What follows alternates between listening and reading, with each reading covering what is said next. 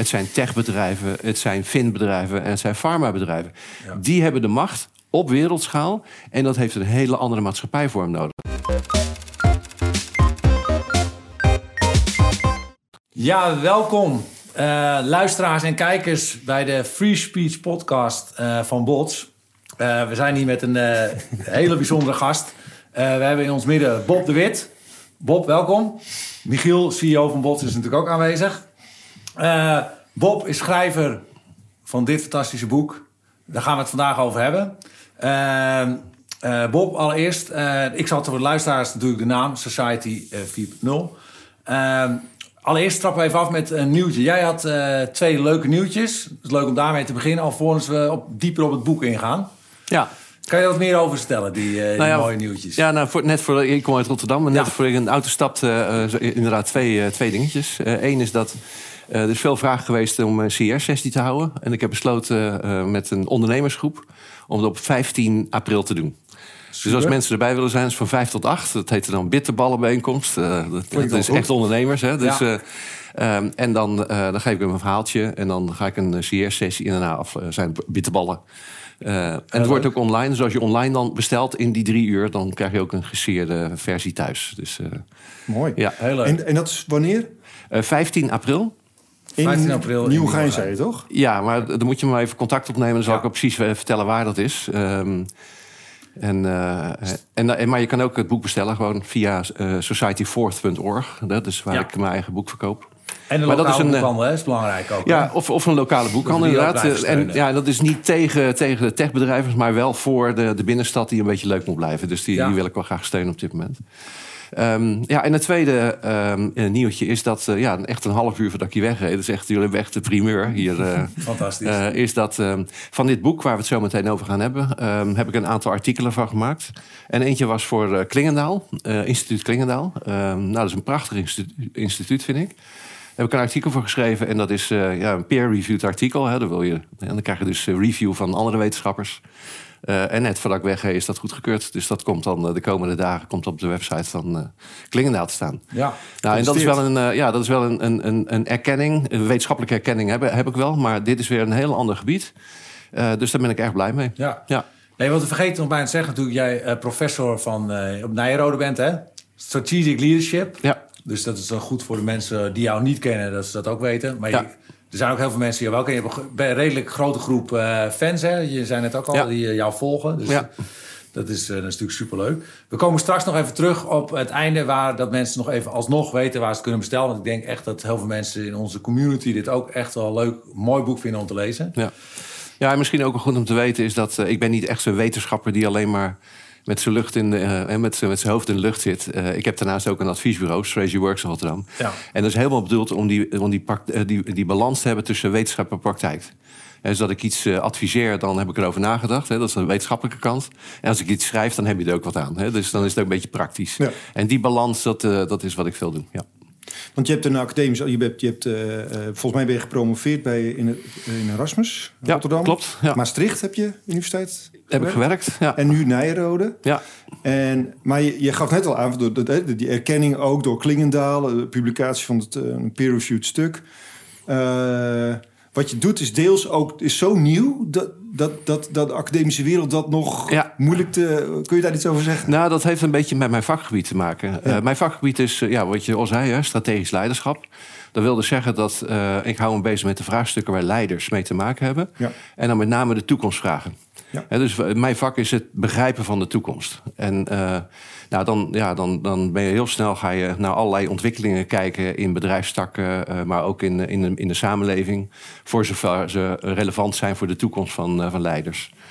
Um, en nou, het is met name de laatste acht jaar, ongeveer acht jaar geleden is allemaal begonnen, dat ik hield me bezig met het begrijpen van de toekomst en steeds meer kwam de technologie in voor. Ja. Uh, steeds meer. En uh, in de wetenschap uh, ja, werden ook boeken over geschreven door Jeremy Rifkin en zo, die zouden we wel kennen. Dat heet Industrie 2.0 en 3.0. en, en, en dat ging er altijd vanuit. en dan ging iedere keer ging er weer nieuwe technologie bij. Hè. Dat ja. was steeds technologie. Technologie werd steeds belangrijker.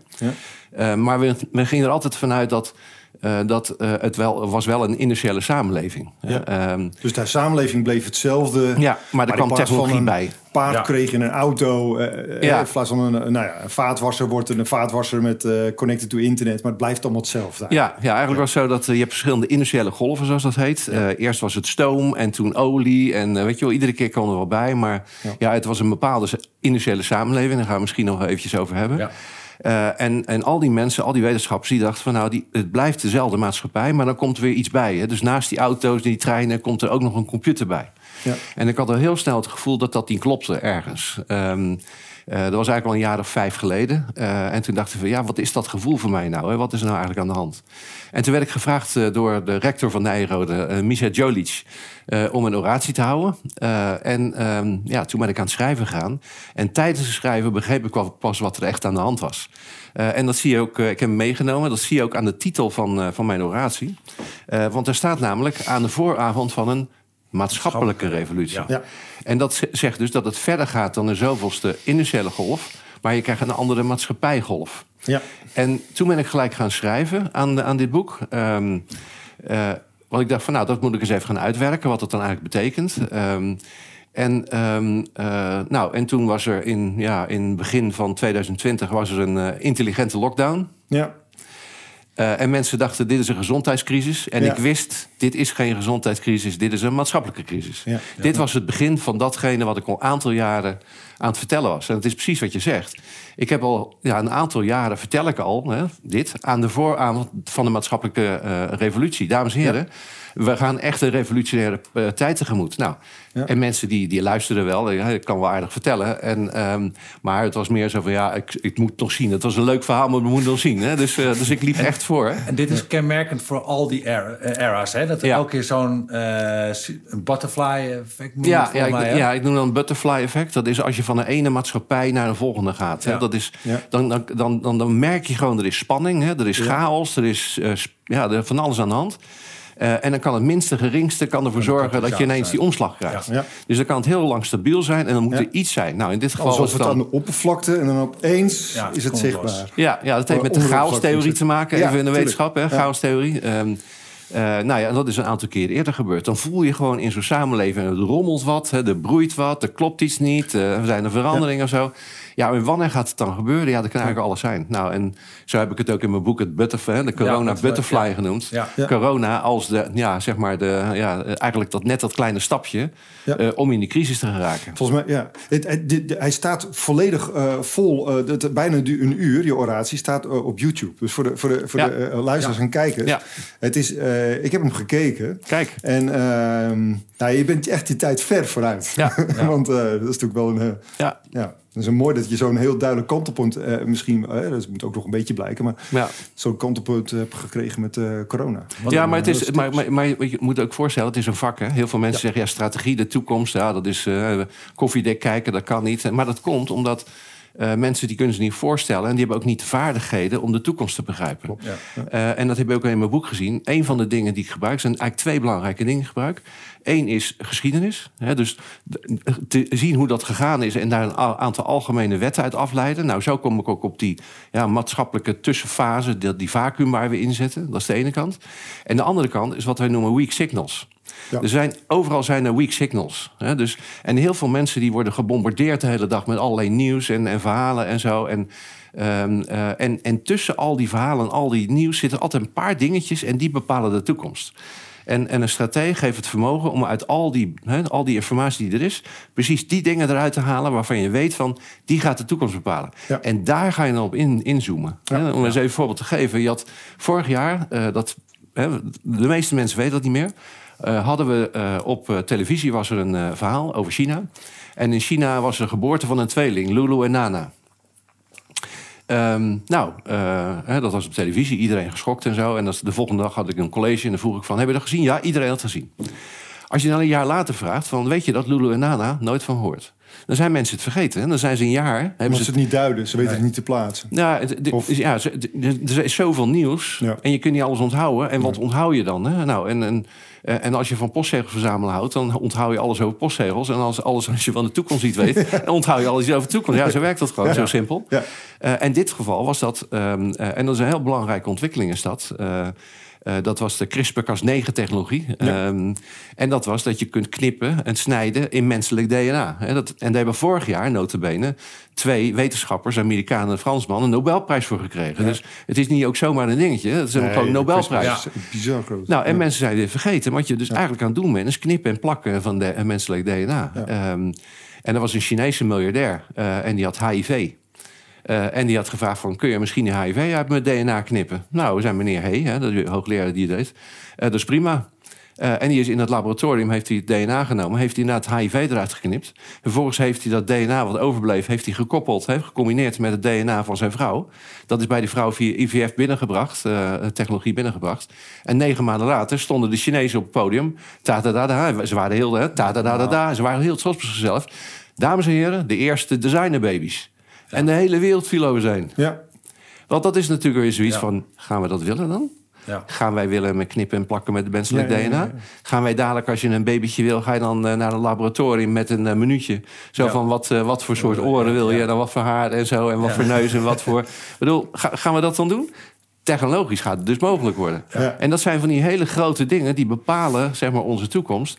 En we hebben er nog niet over nagedacht. Nee. We hebben er nog niet over nagedacht. Maar Bob, want misschien is het wel even heel even goed om, uh, zij, om heel even kort te schetsen wat de, de, de, de niet.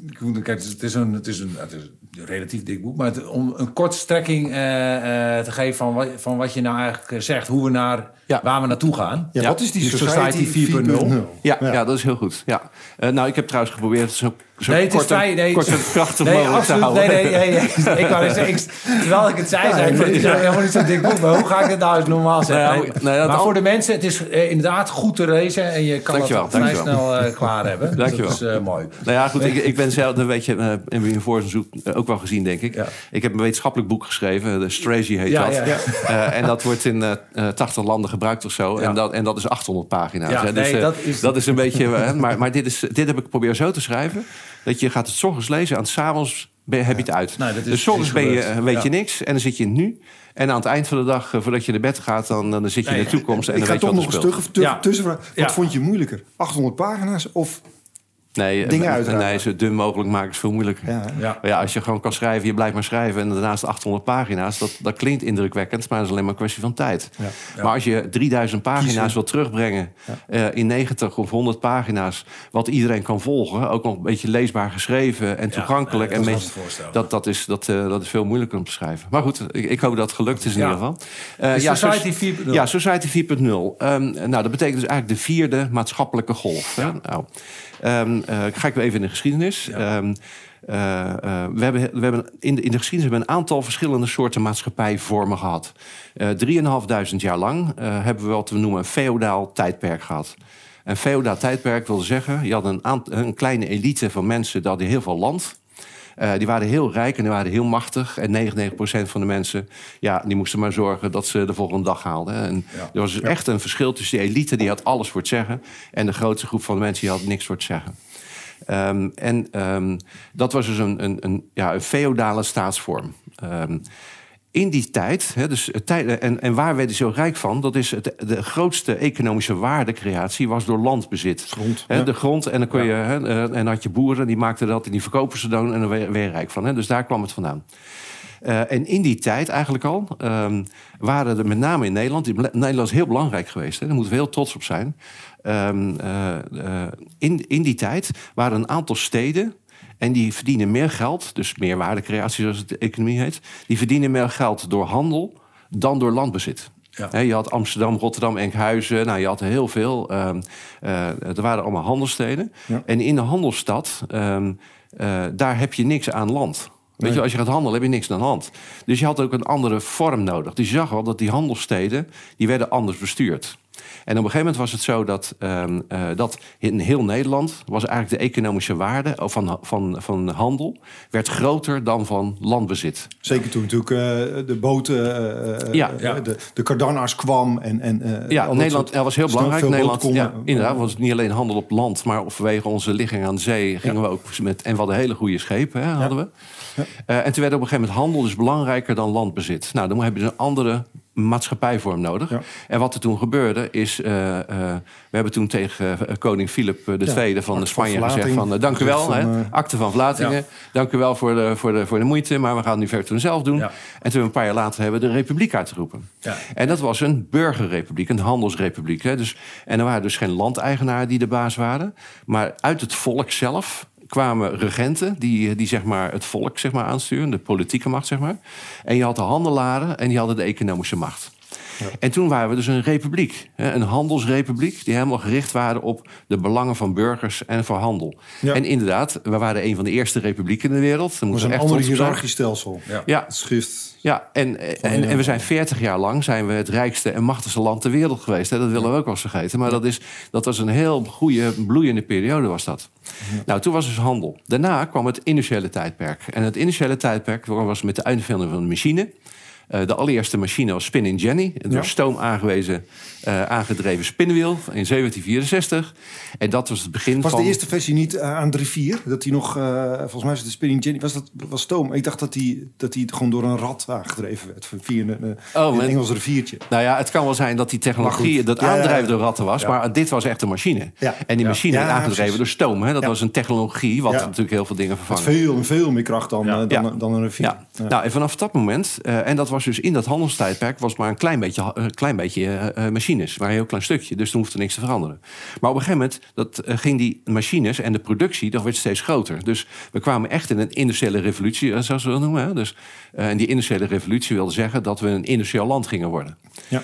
Uh, en, uh, en dat betekende eigenlijk wilde zeggen dat je ging massa produceren. He, dus in plaats van dat je in spinnenwiel iets ging maken, had je grote fabrieken aan de lopende band. En dan maak je allemaal kleding. En nou, allerlei dingen maken in de lopende band. En auto's en koelkasten en wasmachines en nou, allemaal van dingen. Henry Ford, uh, Philips, Inderdaad, Siemens. nou, en dat was dus industriële productie. En op een gegeven moment was de economische waarde van de industriële activiteiten groter dan van handel. En dan was je weer een nieuwe maatschappijvorm nodig. Nou, en dan zie je dus ook tussen het handelstijdperk in het industriële tijdperk. Dat is ook weer zo'n periode geweest van onrust en zo. En waar moeten we naartoe? In die tijd waren er ook schrijvers en denkers, waar ik, waar ik mezelf ook toe reken. Zo van hoe moet die toekomstige maatschappij er nou uitzien? Nou, toen hebben we allemaal van die mensen gehad, als, uh, wat je er ook van vindt, maar een Marx en een Lenin. En, uh, dus we, we, gingen nadenken: wat is nou de beste maatschappijvorm? Is dat socialisme, kapitalisme, Leninisme, Marxisme? Er waren allemaal ismes. Ja, allemaal ismes dat was allemaal om na te denken... ja, hoe moet die toekomstige maatschappij er nou uit, uh, uitzien? En wat er heel belangrijk in was... Uh, en, en dat is niet meer aan de hand namelijk... daarom zijn we uit de maatschappij... is dat er zijn twee factoren belangrijk in een industriële samenleving. Dat is arbeid en kapitaal. Ja. Waarom kapitaal? Nou, je had ontzettend veel geld nodig om al die fabrieken te bouwen en die infrastructuur. En uh, er was ontzettend veel geld nodig. Dus kapitaal werd echt een strategische factor om te groeien. En het andere was, aan die lopende banden had je ook mensen nodig. Ja. Je had steeds meer mensen nodig te produceren. Dus arbeid werd ook een factor. Uh, en die twee moesten gebalanceerd worden. Nou, dan zag je dus werkgevers en werknemers bijvoorbeeld. Maar je zag ook uh, links en rechts.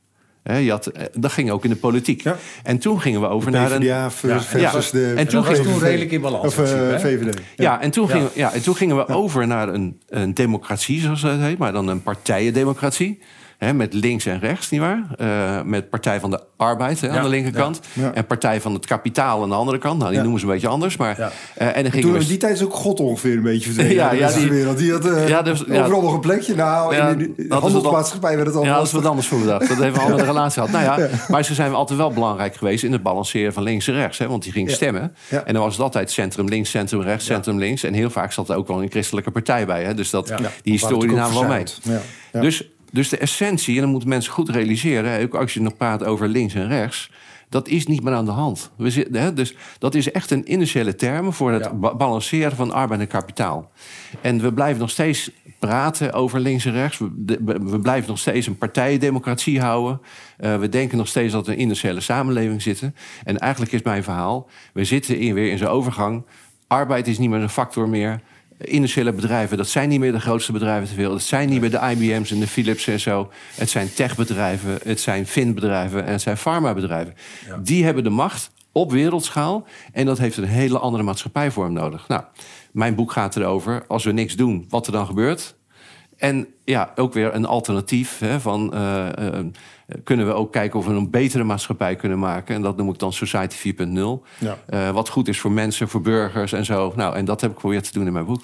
Dus eigenlijk is jouw, jouw wat is Society 4.0? is eigenlijk ook een vraag van... oké, gegeven die, al die veranderingen, die veranderingen zijn een gegeven... maar we hebben al nog de, uh, hoe gaan we daarmee om? Hoe, hoe sturen we die veranderingen? En dat is eigenlijk de society, die heb, dat heb je, jij zegt eigenlijk dat is nog open. Nou, je kunt nog ja, het is, het is altijd zo dat als je van de ene maatschappij naar de volgende gaat. Uh, dan, dan zijn er nog uh, ja, er zijn er wat keuzemogelijkheden. Ja, ja. Het kan, uh, weet Als je, je nog er dat, van bent. Ja, en vergeet ook niet, neem dan bijvoorbeeld even terug naar die industriële revolutie. toen hebben we ook communisme gehad. Ja. Ja, ik bedoel, wij hebben een vorm gekozen van, van kapitalisme met een, met een partijendemocratie. En dat is heel succesvol geweest. Dat is de goede keuze geweest. Maar in andere landen zijn ze een, een, echt een een communistische kant op gegaan. Ze dachten dat dat de beste vorm was. Nou, dat bleek niet de beste vorm te zijn. Dus ook, ook, daar worden ook weer goede en slechte keuzes in gemaakt. En, en in zo'n periode zitten we ook weer. Ja. En, um, en wat je ook ziet, iedere keer in zo'n tussenperiode... Zie je altijd ja, mensen die, uh, die het niet willen, uh, want die willen bij het oude blijven. Nou, dat gaat niet worden. Nee. Je hebt mensen die, die, die, ja, die willen er niet aan, want die houden niet van die onzekerheid. Dus die, die, die houden zich gedijst. Uh, je hebt ondernemers die zien wat er gaat gebeuren, die investeren erin. En, niet te vergeten, je hebt altijd opportunisten die er misbruik van willen maken. Ja, en ja. dat is nu ook aan de hand. Ja, tuurlijk. En dat was in het begin van het industriële tijdperk ook. Ja, tuurlijk. Um, he, toen was het ook van, uh, wat, wat was heel belangrijk? Nou, bijvoorbeeld olie en, uh, en locomotieven. Ja. En er waren gewoon ondernemers, goede ondernemers... Maar ja, die dachten van dat is mooi. Uh, en die probeerden in heel Amerika, hè, met name, uh, gewoon alle spoorwegen en alle olie te domineren. Ja, dus ja, op een gegeven moment had J.D. Rockefeller met Standard Oil, die had 90% van de oliemarkt. dat, noem jij, dat noem je in het boek company states. Hè? Dus die, die bedrijven worden zo groot, die gaan over landsgrenzen heen. Want dat is ook een van de issues die jij noemt, hè? dat het wordt zo groot. Dat een, in een land heb je eigenlijk niet zoveel meer te vertellen. In, vooral als burger niet, omdat eigenlijk op, op uh, wereldwijd niveau wordt beslist. En bedrijven hebben daar eigenlijk nog een grootste rol in. Ja. En dat is een van, je noemt een aantal issues hè, die, de, die gelden rondom uh, als we nu niks zouden doen, hoe ja. het zich zal ontwikkelen. Ja. En dat is één, één belangrijk issue. Ja, er zijn een aantal hele belangrijke ja. issues. Uh, moeten, en, en dat, is een, dat kenmerkt onze tijd heel erg.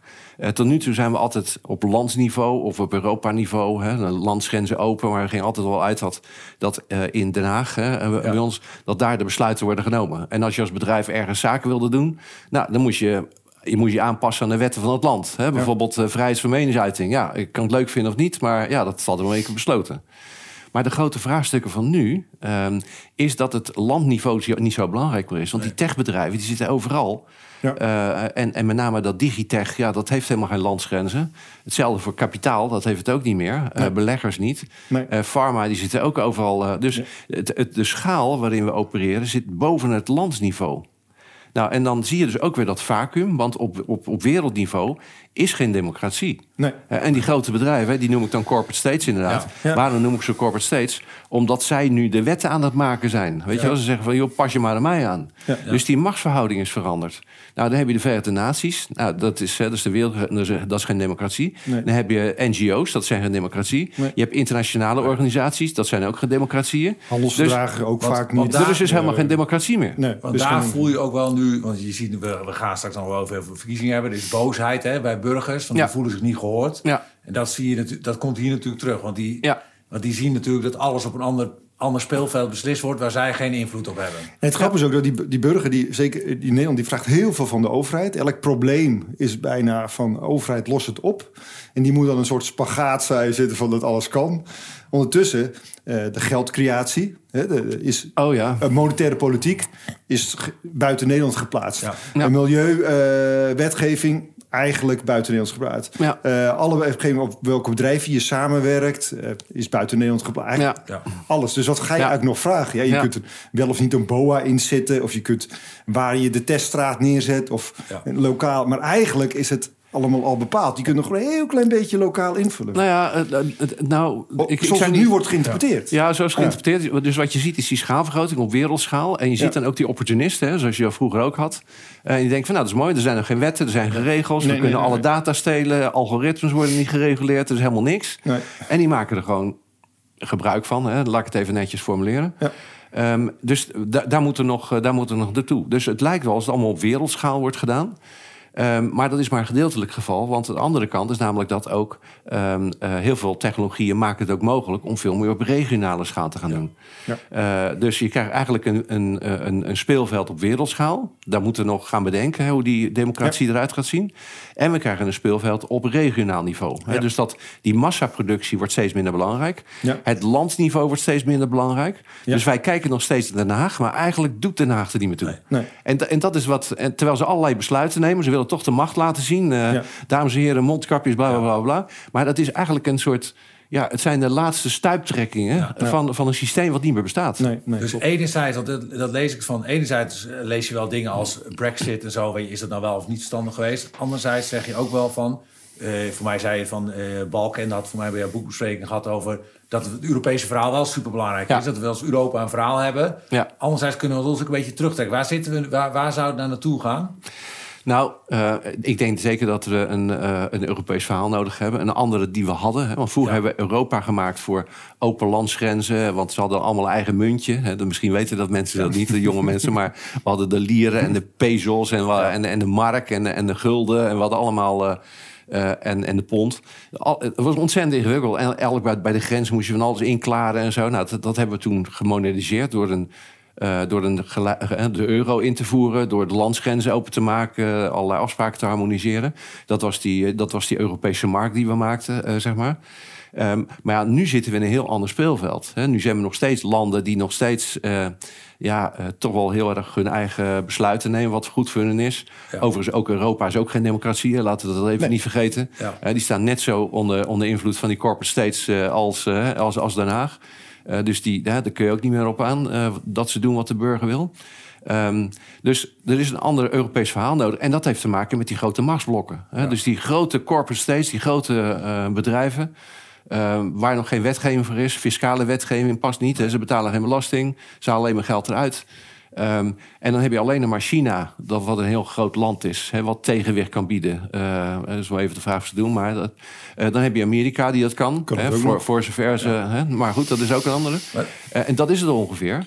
je en wij zouden, als, wij zouden als Europa een rol kunnen spelen, maar dan hebben we wel echt een nieuw verhaal nodig. Maar en dat verhaal is er daar, nog ja, niet. ik wil het zeggen, want zie je daar een begin van? Want ik, ik, ik, als ik, ik weet, Nee. ik zit natuurlijk in de, nee, want ik ook eigenlijk ook Nee. niet. Ik zie daar geen begin van. Nee. Ik zie ontkenning Ja.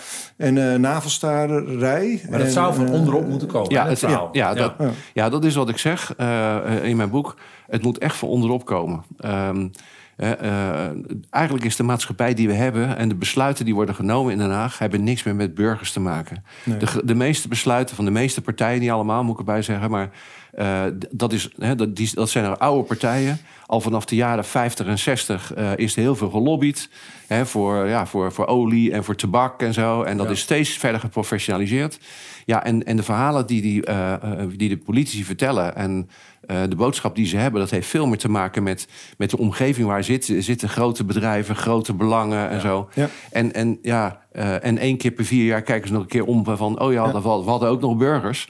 Maar Ja. eigenlijk is, is, is dat politiek zo ver afgedreven van, van wat de burgers doet, eh, dat er zit eigenlijk te weinig feedback in. En we moeten Ja. weer teruggaan naar de burgers en opnieuw gaan, eh, gaan, gaan maken. Ja, en misschien ook het systeem snappen. De, de, het- de, ik heb misschien, ik wil er iets over zeggen. Ik heb, wat je in Silicon Valley ziet, wat laatst een boekbespreking en, en over Silicon Valley. En daar zie je dat de businessmodellen die ze daar, die daar succesvol zijn Mhm. en die de hele wereld overgaan, die worden door zelfs de grootste visies. eh, venture capital, hè, de investeerders, in Europa niet begrepen. Niet eens gezien en begrepen. Ja. Dus bijvoorbeeld eh, onze app die wij hebben, dat is AI, het is eh, Ja. beleggen, het is eh, een platform, al die elementen Ja. heeft het. Maar er zijn in, in, in, in eh, Silicon Valley snappen ze dat direct. En hier is er nog heel veel moeite. Ik, een een ander voorbeeld is dat wij waren met die, die eh, AI's bezig, hè, die, al die algoritmes. En toen we dat aan het opstarten waren, toen kwam wat achteraf de grote toeslagaffaire was. Wat Ja. toen de eerste berichten waren erover. De, volgens mij was het, had het OM gewonnen en die Uh, er kwam eigenlijk achter dat er uh, besluiten werden gemaakt op basis van algoritmes. Ja. Waarbij geen mensen. En die algoritmes die maakten verkeerde beslissingen. Ja. En toen op dat moment heb ik naar de, uh, eigenlijk naar alle Tweede Kamerleden. heb ik een brief gestuurd. Jongens, laat, dit, laat die AI's, maak daar, reguleer dat. ga ze testen. Maak ze in bepaalde maat openbaar. zorg dat het lokaal wordt gebeurd. Dus dat die AI's niet uit Silicon Valley komen. Maar dus, er zijn jongens hier, en meisjes hier in Nederland. die kunnen dat echt prima zelf maken. Hou dat intern. Want dit gaat escaleren. En ik heb met ja. GroenLinks heb ik een afspraak gehad. En uh, met de VVD. De VVD vond het ladikoek. Dus iets om, om op te lossen. GroenLinks vond het wel interessant. Snapte, maar snapte er niks van. Er is geen kennis. Nou ja, en toen knalde dus de toeslagenaffaire. Ja. En uh, nou ja, de, de, de, regering is erover gevallen. Ja. Um, nou ja, kijk, als je, het, als, je het, als je Nederland bekijkt of Europa bekijkt, vergeleken met, met andere gebieden. Uh, uh, je hebt het ook Palo Alto, hè, ja. Silicon Valley. Uh, daar gebeurt het. Uh, Israël, daar gebeurt het. Korea ja. gebeurt het. En China gebeurt het. Ja. En de rest loopt echt hopeloos achter. En, en wij ook. Uh, en, en je zult ook zien dat het, het moet ook fout gaan. Hè? Ik bedoel, de, de overheid zoals nu is, dat uh, je hebt het over de toeslagenaffaire, je hebt het over jeugdzorg. Uh, corona is de volgende schandaal wat eraan zit te komen. Ja. En dat heeft te maken met een systeem wat aan, aan, aan het eind van zijn levenscyclus is. Die gaat dit soort fouten maken. Dat is, het is niks, niks persoonlijks zo. Het is gewoon een, een systeemkenmerk. Nee, is... En we moeten gewoon opnieuw bedenken hoe die wereld eruit gaat zien. um, een voorbeeld wat je gaf, vind ik een hele goeie. ook weer vroeger, als je uh, toen de auto's kwamen, werden de wegen aangelegd uh, en, en gingen mensen overheen rijden. En dan waren er allemaal ongelukken. En daarna gingen we verkeersregels maken en, ja. en rotondes en, en stoplichten. Maar eerst moet het fout gaan en dan pas gaan we rotondes aanleggen. Ja, eerst de auto's, dan de regels. Nee. Ja, eerst inderdaad. De wegen, ja. dan de regels. Ja, laten we even kijken, weet je wel. Uh, er werd niet over nagedacht. Nou, nee, volgens mij nu... heb je ook het, het, het, het voorbeeld gegeven van dat... Um, we hebben als het ware de, met name de digitale snelweg hebben we aan het, aan het particuliere bedrijfsleven gegeven. Ja. Facebook. En, ja. uh, dus, dus eigenlijk heb je de, ja. de weg in je straat heb je aan een, aan een ja. Heb je aan een particulier, aan een bedrijf gegeven. En die gaat jou vertellen wat je maar, op straat tegen je buurvrouw wel of niet mag zeggen. Want anders word je van de, de maar, weg afgekikt. Maar dat is het precies. met LinkedIn. Maar dat is precies. Want kijk, we hebben gewoon de vrijheid gegeven aan allerlei bedrijven... om hè, te gaan ontwikkelen wat, uh, ja. wat, wat, er mogelijk is. Ja. Zonder regels. Hè. Dus, het is, uh, dus daarom gaat het ook allemaal fout. Hè. Er gaan allemaal algoritmes, het, het stelen van je data. Alles gaat fout of zo. Uh, en we moeten nu pas weer, ja, uh, gaan we die wereld in om, ja, om weer nieuwe regels te gaan maken om het voor elkaar te krijgen. Ja. En die techbedrijven, uh, dat vind ik een heel mooi voorbeeld. Als je kijkt naar social platforms, ja, social platforms zijn eigenlijk een soort sociale infrastructuur. Ja. Dus de infrastructuur van jou, van, van jou en mij. Uh, en net zoals je vroeger uh, de treinen, dat, dat werd genationaliseerd, want dat is publiek goed. De wegen, dat werd ook nationaal goed, want dat is voor iedereen. Ja, nu hebben we dus een sociale infrastructuur met grote techbedrijven. Uh, en die bepalen gewoon, ja. die bepalen gewoon wat er ja, moet gebeuren. En dat moet in onze hand, dat moet terug naar, waar, naar, naar het publiek eigenlijk, hè? Die, die ja, platformen. Ja, we moeten het zo gaan doen. En die technologie kan er ook, hè? dat kan allemaal prima. Alleen, ja, in, de mensen die de besluiten nemen, zijn zover nog niet. Die zitten nog mee. Hè? Nee. Digitaal zitten ze nog in het stenen tijdperk. Die, die, weten, die hebben geen, voor mij geen idee wat, uh, wat ze moeten doen. Uh, en toch moet je kijken van hoe gaan we nou die sociale infrastructuur zo ja. maken... Uh, dat het wel in het belang is van de burgers en de, ja. en de ondernemers in ons Want land. Het ook, het is ook, en dat gebeurt niet. Het is ook lijkt wel een, alsof ze een bepaalde stap achteruit doen. Misschien door, door, door druk. Uh, druk van, van, uh, van goed georganiseerde lobby. want in de krant, de krant was ook particulier bezit. Ja. Een aantal omroepen ook. Heel veel media was particulier bezit. Maar in die media had, was er wel... het grondwet werd toegepast van namelijk de vrijheid van meningsuiting. Ja. Natuurlijk had de krant signaturen, maar er was, iedereen die kon dit beginnen. En dat, maar in die, uh, op die sociale platforms lijkt dat niet te gelden. Dan nee. mag je zomaar... Uh, mag je zomaar iemand eraf gooien. Omdat je een paar... Is het uh, user overeenkomsten nou ja, getekend. Nou, dat is toch ja. bijzonder? Nou, ik, zou, ik zou een mooi voorbeeld vertellen ja. uh, daarvan. Uh, dat is die, die techbedrijven zeggen van ja, je mag op mijn platform, en, ja. maar het hoeft niet, weet je wel. terwijl ja, dus het is net zoiets dat je als, als overheid zegt je mag op de straat gaan lopen, maar je kan ook vliegen. Ik bedoel, hè, dat, dat is niet realistisch. Dus, nee, dus je, je moet er wel gebruik van maken. Dat is gewoon onderdeel van een sociale infrastructuur. En vervolgens bepalen zij op wat de voorwaarden zijn om op de platform te gaan zitten. En doen ze dan terms and conditions. Hè, dat tekenen ervoor zo. Um, het is mij ook gebeurd. Um, uh, en ik ben helemaal niet een, uh, een, een complot iemand. Of uh, weet je, ik doe allemaal netjes. Alleen ja, ik loop een beetje voor hè, in. dus ik doe analyses en, en ik plaats het op LinkedIn. Ja. en ik word eraf gegooid. Ja. ja. Ehm, en nou, dat blijkt dan in de, in de eerste, de twee keer. De eerste keer was dat vanwege een algoritme. Oh ja. Die, kennelijk had ik een paar namen genoemd, die mochten niet, toen werd ik eraf gegooid. En toen ben ik weer teruggeplaatst. En toen ben ik dan de tweede keer afgegooid. En toen heb ik ook aan LinkedIn gevraagd van waarom is dat dan eigenlijk? Ja. En toen keek ik een lijstje van vijf artikelen die ik geplaatst had. En die mochten niet van de WHO. Die mochten niet van de WHO. Aha. Dus uh, we hebben dus nu een. Hè, gaan we even terug naar het vorige gesprek. Ja, ja. We hebben, uh, op, het, op wereldschaal hebben we geen democratie. Nee, we hebben de WHO is dat natuurlijk niet. Die wordt. we hebben States, we hebben de VN, we hebben de WHO, we hebben allerlei andere. en, en die bepalen dus. die, die zitten in het luchtledige van, van de macht. Um, je weet niet precies wat wel en niet mag, want dat, dat staat nergens. En dan zo'n LinkedIn die zegt van ja, ik, ik doe het maar makkelijk. Ik, bedoel, ik, ik neem ze niks ja. kwalijk, hè.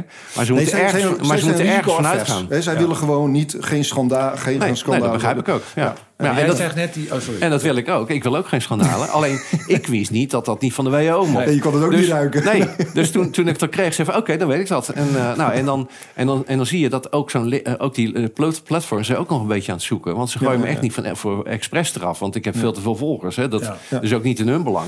Uh, maar ja, het is een beetje zoeken. Ja, maar- En dan gaan we dat opnieuw, wij spreken opnieuw opbouwen. Hè? Ja. En dan, daar gaan burgers een grotere rol in krijgen. Ja. En dat, dat vond ik wel interessant om te horen van jou van... Oké, hoe gaan, want jij gaf ideeën van, daar zou AI bij kunnen helpen. Hoe we kunnen bedenken hoe die, welke burgers daarvoor in aanmerking komen. Ja, En dan hebben we het eh, stuk over dat het publiek het natuurlijk eh, eh, die, die rollen krijgt hè, in, eh, in die NGO's. En, eh, want we hebben het over WHO, wie, waar- wie zit er daarin? En eigenlijk moet de burger daar een, weer een rol in krijgen. En dan de vraag is, welk systeem gebruiken we nou? En daar zou AI een rol in kunnen spelen om te bepalen wie daar, eh, wie daar weer komen te zitten. Ja, nou niet alleen AI, maar eigenlijk heel veel technologieën. Ja. Dus, dus enerzijds heb je dat die, die, eh, ja, die, op wereldschaal is er geen democratie. Er moet er iets voor, voor bedacht worden. Eh, In mijn boek geef ik ook aan hoe je dat kan doen met eh, directe democratie en met, met veilige eh, blockchain-technologie en zo. dus dat, dat is de ene kant. De andere kant, we moeten eigenlijk weer een maatschappij opnieuw gaan, gaan opstarten en opnieuw gaan beginnen. Dat hele dat massaproductie, dat is voorbij. We kunnen het weer regionaal gaan doen. We kunnen het doen met heel veel technologieën. Het is ook 3D-printing, het is ook biotech, het is ook eh, big data, machine learning. eh, Ja. Er zijn heel veel technologieën waardoor je eh, kleinschalig kan produceren. Ehm, dus, eh, maar dan moet je het wel opnieuw gaan doen met gebruik van die technologieën. Dan moeten we initiatief komen vanuit de burger om opnieuw te gaan doen. En dan krijg je dus die combinatie tussen het regionaal organiseren en vooral de dingen die wij belangrijk vinden. Eh, en dat wil zeggen, je wil iets te eten hebben, je hebt energie nodig, je hebt warmte nodig, veiligheid nodig. Eh, je kinderen moeten naar school, gezondheidszorg. Gewoon een aantal basisdingen waar je met z'n allen gelukkig van wordt. Ja. Dat moet je opnieuw gaan doen. Eh, maar dan moet je wel even de, de ketens van, eh, van zeg maar, eh, allerlei ja, regels die er nu zijn uit het initiale tijdperk en, en, en de keten en uit Den Haag moet je van je afgooien. En je gaat eigenlijk weer opnieuw ga je dat, ga je dat organiseren. En dan krijg je dus heel veel regio's. En dan samen moet je ook gaan kijken hoe je dat gaat combineren. Er moet iets op wereldschaal moet er een feedbacksysteem gaan komen. Ja. Want dan gaat een keer fout. Dus het, het, dus het begint bij de burgers. Dus Ja. we moeten bij de burgers. Eh, en, en wat er nu gebeurt is dat ja, het is een beetje een, eh, een clash tussen twee toekomstsystemen. Hè, dat we vroeger communisme en kapitalisme, zo'n soort Ja. tweestrijd hebben we nu ook weer. Ehm, eh, het, het- zijn wel hele andere vragen overigens, maar ehm, om even aan te geven dat er eigenlijk verschillende richtingen zijn. De ene richting is de elite zegt, hè, dus die techbedrijven enzovoort, die zeggen van nou, wij gaan het voortaan voor je doen. Ehm, hè, dat is bijvoorbeeld de Great Reset van Ja. hè, de, de World Economic Forum. Eh, die zeggen van luister eens, eh, we hebben de aarde hebben vervuild. eh, we hebben allemaal foute dingen gedaan. Eh, dat gaat niet goed zo. Eh, weet je wat? Wij gaan de Great Reset doen. We gaan ervoor zorgen dat we schoon zijn. Dat iedereen te eten heeft en zo. Laat het maar aan ons over. Ja. Hè? Dat is Ja, eigenlijk ja. een elite soort maatschappij. Een Ja. feodaal eh, oplossing. En dan, ja, precies. Ja, dan krijg je weer dat feodale, wat vroeger ook zo was. Toen was het landeigenaarschap. Hè? Dat, eh, wat Ja. het- en nu is het data- en technologie-eigenschap. Nou, en dat, ik, eh, ja. Michiel, jij moet. Ik zag de tijd, we zijn Ja. iets later begonnen. Maar Michiel, jij moet er vandoor even. Ik, Ja. Maar ik ga met Bob dit nog even afronden, want we hebben nog een paar interessante onderwerpen. En dan kunnen we even het goed afsluiten. Maar dan kun jij alvast naar je volgende. In Duitsstalig België Ja. hebben ze als eerste een, een, eh, een, een, een eh, eh, burgerparticipatie Ja. ingebouwd in, het, in, het, in de democratie. Klopt. Misschien wel leuk. Ja, ja er, er, zijn nog een paar plekken waar ze dat hebben. Christiania en in Denemarken hebben er een. Oh, ze hebben directe democratie in kantons in Zwitserland. Dus ik heb nog een paar andere voorbeelden. Ja, en toevallig was dat, uh, werd dat als voordeel, uh, voorbeeld ook aangehaald in een uitzending van Tegenlicht van gisteren. Uh, dat ging precies over dat burger. ja, ja. nee, wat, hoe kijk jij dan bijvoorbeeld naar dat social credit systeem in, in China? Want dat, daar krijg je in ieder geval een, een, een beeld van hoe loyaal iemand is en hoe iemand functioneert in de maatschappij. Ja. Zou zoiets kunnen werken om ook daaruit te bepalen wie zou nou geschikt zijn om in zo'n. Uh, bijvoorbeeld in zo'n burgerpanel of ergens anders in deel te nemen? Ja, nou, dat, dat is, eigenlijk was het in, in elk feodaal tijdperk zo geweest... dat de elite, die wilde de macht houden en het, en het geld houden. En die zochten naar alle mogelijkheden om, uh, om, om, uh, om, om controle te houden over de mensen. Dat, dat, dat, hoorde erbij, want ja, ze moesten niet gaan opstaan. Ze, moeten, hè, dus ze willen echt allemaal controlemogelijkheden hebben. Uh, dat is lastig. Dus op een gegeven moment hebben de burgers gezegd, zeker in Nederland in de Republiek, dames en heren, we gaan het zelf doen. Uh, en die zijn gewoon opgestaan. En, en eigenlijk waren er geen wapenen zeg maar, om tegen die burgers op te gaan. Wat je nu hebt, zijn technologie, wat het veel makkelijker maakt om controle te hebben. En, ja. Uh, en dat is natuurlijk ook ja, wat, wat zeg maar die elite, hè, dus zeg maar die, die, die elite maatschappij. Uh, wat die voor hebben. Hè. Zoveel ja. mogelijk technologie gebruiken om controle te hebben ja. over mensen. Nou, het voorbeeld is in eh, China, wat overigens begonnen is in Singapore als een veiligheidsproject. Ja. Uh, en hebben ze een social credit score, ook wel een citizen score genoemd, een burgerscore. Uh, en uh, ja, je hebt daar gewoon één partij. Hè, dus, dus ja, ja. Dus, gewoon één, één communistische partij. En, en die bepalen wat er gebeurt. En en die gebruiken die technologie ook. Dus alles wat je doet en wat je zegt en wat je koopt en wat je surft en eh, alles en, en hoe je in het verkeer zit en wat je tegen je burgers zegt, uh, tegen je buren zegt, alles wordt meegenomen. Ja. En dat leidt dan tot een score. En als je hoge score hebt, dan krijg je een paspoort en een rijbewijs, je mag vliegen. Ja. En je kinderen krijgen school en, je, en je krijgt gezondheidszorg. En als je te weinig punten hebt, hè, omdat je door het rood bent gereden, of je hebt iets onaardigs gezegd over je buurman of zo, of uh, wat dan ook uh, dan krijg je dus geen paspoort, geen rijbewijs. Uh, geen, je kinderen mogen niet in school, je krijgt geen gezondheidszorg. Nee.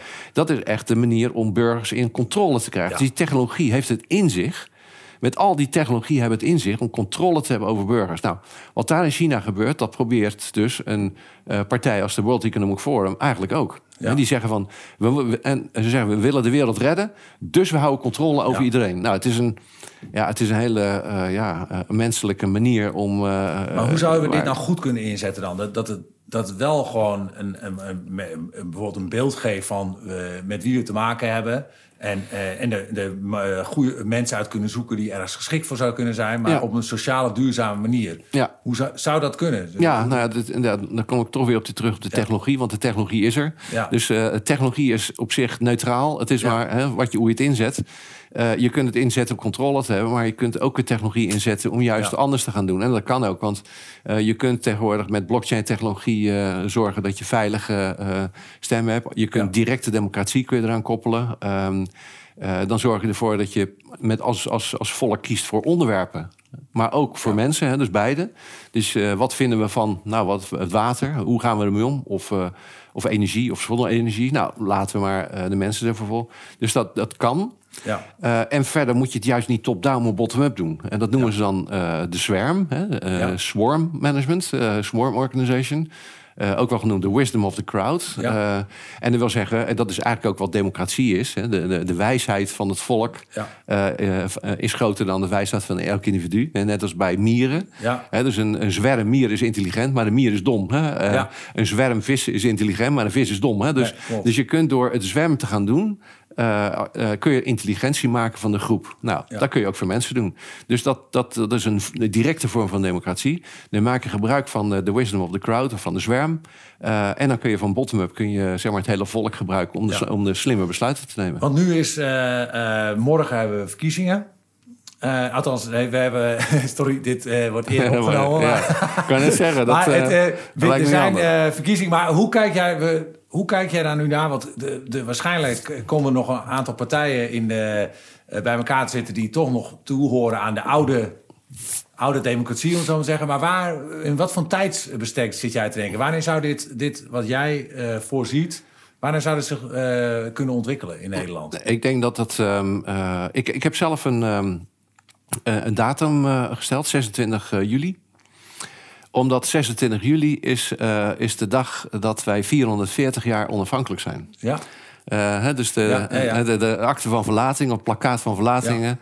was op 26 juli. En toen hebben wij Nederland gezegd, wij zijn vrij.